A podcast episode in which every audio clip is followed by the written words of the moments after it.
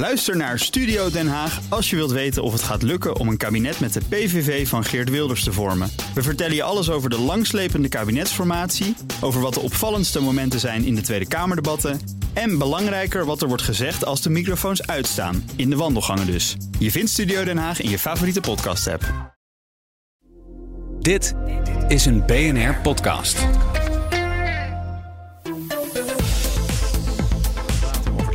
oorlogsnieuws uit beide gebieden. De luchtaanval in Oekraïne door Rusland laten zien dat het land meer luchtafweer nodig heeft. En dat is ook iets waar Zelensky al een tijdje op, toe, uh, op, de, op toespitst in zijn toespraken. De NAVO wil er gaan voor, voor gaan zorgen. Is besloten in de NAVO-Oekraïne-raad. En daar gaan we onder meer over praten met de buitenlandcommentator Bernard Hammelburg. Bernard, goedemorgen. Goedemorgen. En Europa-verslaggever Geert-Jan Haan. Terug van weg geweest. Geert-Jan, goedemorgen. Bas, goedemorgen. Allereerst het laatste nieuws uit de nacht, Geert-Jan, over Oekraïne. Ja, een aantal dingen die in het oog springen. Um, Oekraïnse drones die een Russische brandstoffabriek hebben geraakt op uh, toch wel 200 kilometer van de grens. En een hotel in Kharkiv in uh, Noordoosten Oekraïne dat is uh, geraakt met Russische raketten. En dat is een hotel waar internationale gasten waren, uh, journalisten, uh, NGO's, elf gewonden. Mm. En uh, dat valt toch wel op dat er de laatste maanden steeds meer hotels zijn waar internationale mensen vaak verkeren, die in de regio Kharkiv of in de Donbass bestookt worden. Ja. En vernietigd worden. Afgelopen zomer ook een avond op een hotel in Kramatorsk waar een Oekraïnse schrijfster bij om het leven kwam. En de Nederlandse frietbakkers Koen en Frankie licht gewond raakten. Toen kwam dat extra in het nieuws. En dat zijn aanvallen die met luchtdoelraketten plaatsvinden. Die zijn er eigenlijk voor de luchtafweer. Maar de Russen hebben ook vannacht dan weer S-300's ingezet. Dus aanvallend, minder secuur.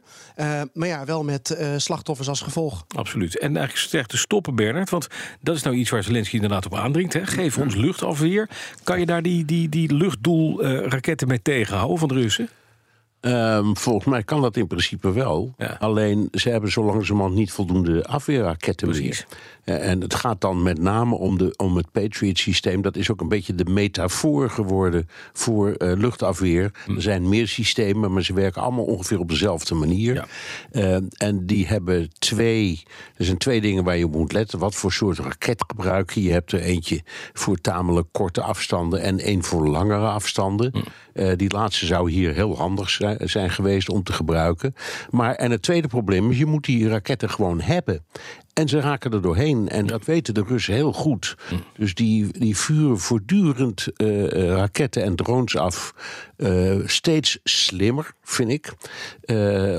Omdat het, het, ja, het, het, toch te, te geringe aantal afweer apparaten dat Oekraïne heeft, als het, als het ware voortdurend heen en weer moet rollen. Ja, ja. Racen, uh, is allemaal beweegbaar, hè, om, mm. om, om hier weer en daar weer wat opvangen. Dus het, het legt een probleem bloot.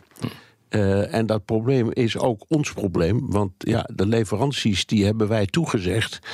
En die lopen terug. Ja, Jan, want we weten inmiddels dat, uh, ondanks het feit dat de leveranties teruglopen en er wel hard op gedrukt wordt om die te krijgen, de Oekraïners wel vindingrijk zijn, zelf uh, drones bouwen, dat soort dingen. Kunnen ze iets doen om de, om de winter toch nog goed door te komen? Of moeten ze inderdaad maar, maar eraan geloven dat de Russen inderdaad slimmer, zoals Bernard zegt, uh, bombarderen op grote, grote doelen?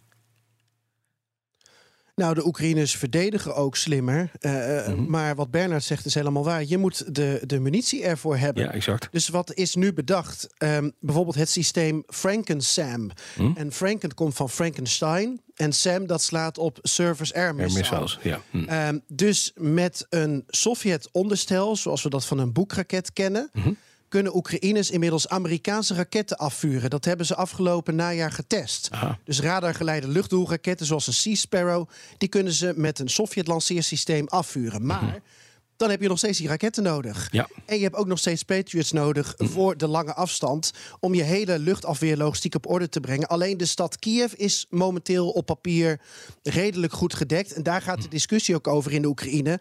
Uh, wat hebben we nodig om welke belangrijke doelen nou echt veilig te houden? En mm. daar zijn ze ook nog niet over uit. Nee, uh, toch, in, intussen is een groot debat over de nieuwe mobilisatiewet ook gaande in Oekraïne, Jan.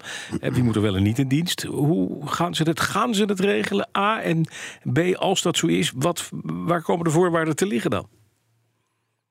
Ja, ze gaan het regelen. Ze zullen het wel moeten regelen. Mhm. Eh, eh, maar centraal staat hoe komen we aan een half miljoen mensen dat in het leger gaat.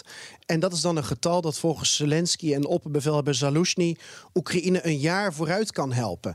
Nou, er zijn nieuwe wetten voor nodig om mensen binnen te halen. Ook om ontduikers van die mobilisatie aan te pakken. Het is een een lijvig wetsvoorstel. Het zijn eigenlijk vijf voorstellen. Het gaat nog weken duren voordat het klaar is. Mogelijk wordt er vandaag een eerste versie in stemming gebracht. Hm. Eigenlijk is alles mogelijk, Bas. Twee dingen niet. Geen loterij, geen mobilisatie van vrouwen. Ah. Maar dan een aantal vragen. Hoe oud moet je zijn? 25 hm. jaar is een voorstel. Mogen mensen na 36 maanden gedemobiliseerd worden of na 18 maanden al? Hoe fysiek geschikt moet je zijn? Hoe gehandicapt uh, moet je partner zijn? hoe zelfredzaam is je partner om zelf naar het front te moeten? Dat soort wezenlijke vragen. En heel precair, echt een splijtswam in de samenleving is... Waarom zijn er zoveel uitzonderingen voor mensen met een academische graad of mm. net zoals dat heet, meer economische, economische waarde? Dus Bas, waarom ontstaat het beeld dat de armen moeten gaan vechten voor de rijken? En hoe kom je daar vanaf? nou, Dat, dat, dat, dat zijn een aantal punten van een heel groot discussiepalet. Zeker.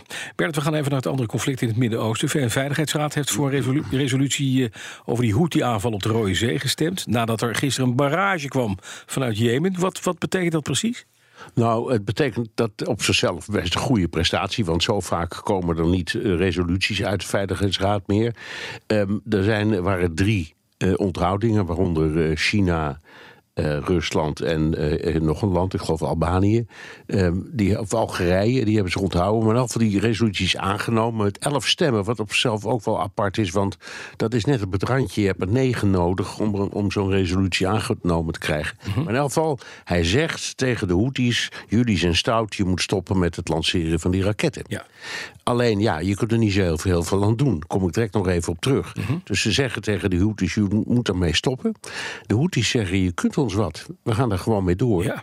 Uh, en zolang uh, Israël het nodig vindt om een gebied met 2,4 miljoen inwoners zo verschrikkelijk moeilijk te maken als ze doen, gaan wij door met deze aanvallen. Dan is de vraag: wat dan? Want een resolutie geeft dus een vrijbrief, zal ik maar zeggen, of toestemming om in te grijpen, want hij is oplegbaar. Hè? dat is het kenmerk van een uh, eh, VN-veiligheidsraadresolutie. En de enige optie die er is, en die plannen zijn er ook voortdurend, is dat de Amerikanen, maar misschien ook de Britten, de lanceerinrichtingen aanvallen. Mhm. Van uh, dat kunnen ze. Het is ook helemaal niet zo ingewikkeld technisch. Alleen, het is natuurlijk geopolitiek een enorme stap.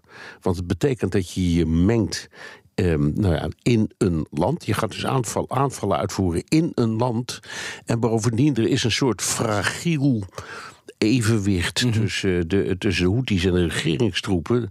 Dus ik zal maar zeggen, een soort van uh, wapenstilstand of staakt het vuren. Ze maken dat laatste, elkaar de laatste tijd niet al te moeilijk. En dat verstoor je onmiddellijk als je dat doet. Ja. Dus het is een enorm probleem. Um, de Israëliërs roepen steeds tegen de Amerikanen: doe dat nou, doe dat nou, doe dat nou. En de Amerikanen, begrijp ik best, die trappen steeds op de rem. Die zeggen: ja, we kunnen dat wel, maar we willen, we willen dat, dat liever niet. Dus we hopen, we hopen dat die Houthis onder de indruk raken. Nou, ja. reken maar dat ze dat niet doen. Nee, dat denk ik ook. Die gaan lekker door. We gaan even naar iets totaal anders. We hebben, we hebben nog indachtig uh, de woorden van Onno Eigelsheim een paar weken geleden. Die uh, waarschuwde voor het feit dat we ja, toch wel rekening moeten gaan houden met een conflict. wat ook de Nederlandse grenzen zal, uh, zal bereiken. Nu nu komt de Zweedse minister van Defensie gisteren, meneer Karl Oskar Bolin. En die zegt er kan een oorlog uitbreken in Zweden. De militaire opperbevelhebber heeft dat bevestigd en zegt: ja, alle Zweden moeten zich mentaal voorbereiden op een eventuele oorlog. Wie is dan de opponent? De Russen? Ja, dat zijn de Russen. En uh, ik vond het eerlijk gezegd niet zo'n hele verstandige opmerking. Zelfs als hij het vindt, dan had ik het anders geformuleerd. Ja. Wat dat betreft is, hebben we het in Nederland, doen we dat wat handiger. Mhm. Maar er zijn een paar dingen die spelen. In de eerste plaats, ze, ze liggen er veel dichterbij. Ja. Het is een interessant doelwit. Ze zijn nog geen lid van de NAVO, wel bijna, maar ze zijn het nog steeds niet. Dus de, de, de, de, de vraag doet zich voor: kan Rusland op dit moment, als ze het vandaag doen, een aanval doen op Zweden en moet de NAVO dan artikel 5 toepassen, mhm. terwijl dat land nog geen lid is? Ja. En ik denk dat vanuit dat perspectief die minister van Defensie zegt: ja, wacht even. Ehm, we zitten in het schootsveld. Uh, maar we vallen officieel nog niet onder, die officiële NAVO-paraplu. Mhm. Dus uh, de medeburgers oppassen. Doe je paraplu omhoog of ga onder een tafeltje zitten. Want dat kan gebeuren. Ja, maar is die kans er? Want dat is natuurlijk waar Zweden nou ja. niks. Ja, en Eigelsheim ook. Toch, ja, de dreiging ziet vanuit Rusland. De kans is er altijd. Ja. Um, ik geloof eerlijk gezegd dat ook uh, Russen in bepaalde opzichten rationeel zijn. En het, het, het, is niet handig voor de Russen om een conflict te beginnen met de westerse wereld rechtstreeks. Want ze weten dat, ja, dat leggen ze af. Dat leggen ze af. Dus dat, dat is niet handig. Ik hoor Gert-Jan maar zeggen. Gert-Jan. Heel kort. Ja, nee, nee, nee, nee, niet per se tegen Bernard. Maar die waarschuwing gaat ongetwijfeld ook over uh, de aanslag die we hebben gezien op de Nord Stream. Hè, wat in de, in de Oostzee ligt bij Zweden. Mm -hmm. uh, het hacken van infrastructuur. Uh, destabiliseren van, van de grens zoals je tussen Finland en Rusland ziet. Um, dus het gaat eigenlijk om het voorbereiden in de breedste zin van het woord. En um, ik denk niet dat de Zweedse uh, opperbevelhebber denkt dat de Russen morgen aan de poorten van Stockholm staan te morrelen. Uh, zoals ze wel overigens in het verleden met Peter de Groot hebben gedaan. Maar ik denk dat het uh, in breedste zin moet worden gezien als een voorbereiding op mm. alles wat er mogelijk is. En het zegt ook iets over ons. Hij zegt in feite dat we mentaal gewoon niet zo sterk meer zijn. Dat we niet uh, dit soort uh, uh, ja, uh, enorme uitdagingen zomaar aan kunnen gaan. Ja. Dus bereid je daar mentaal op, voor, op hm. voor. Dat klinkt misschien een beetje zwak, hm. maar ik denk dat dat er ook achter zit. Duidelijk. Mag ik jullie beiden danken. Buitengewoord Bernard Hammelburg en Europa-verslaggever Geert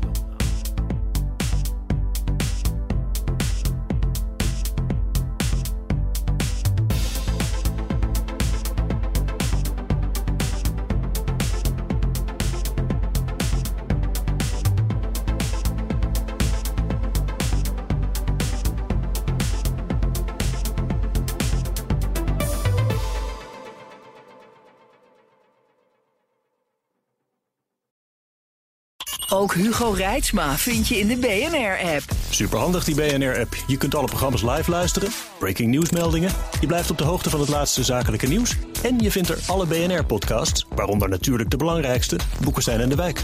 Download nu de gratis BNR-app en blijf scherp.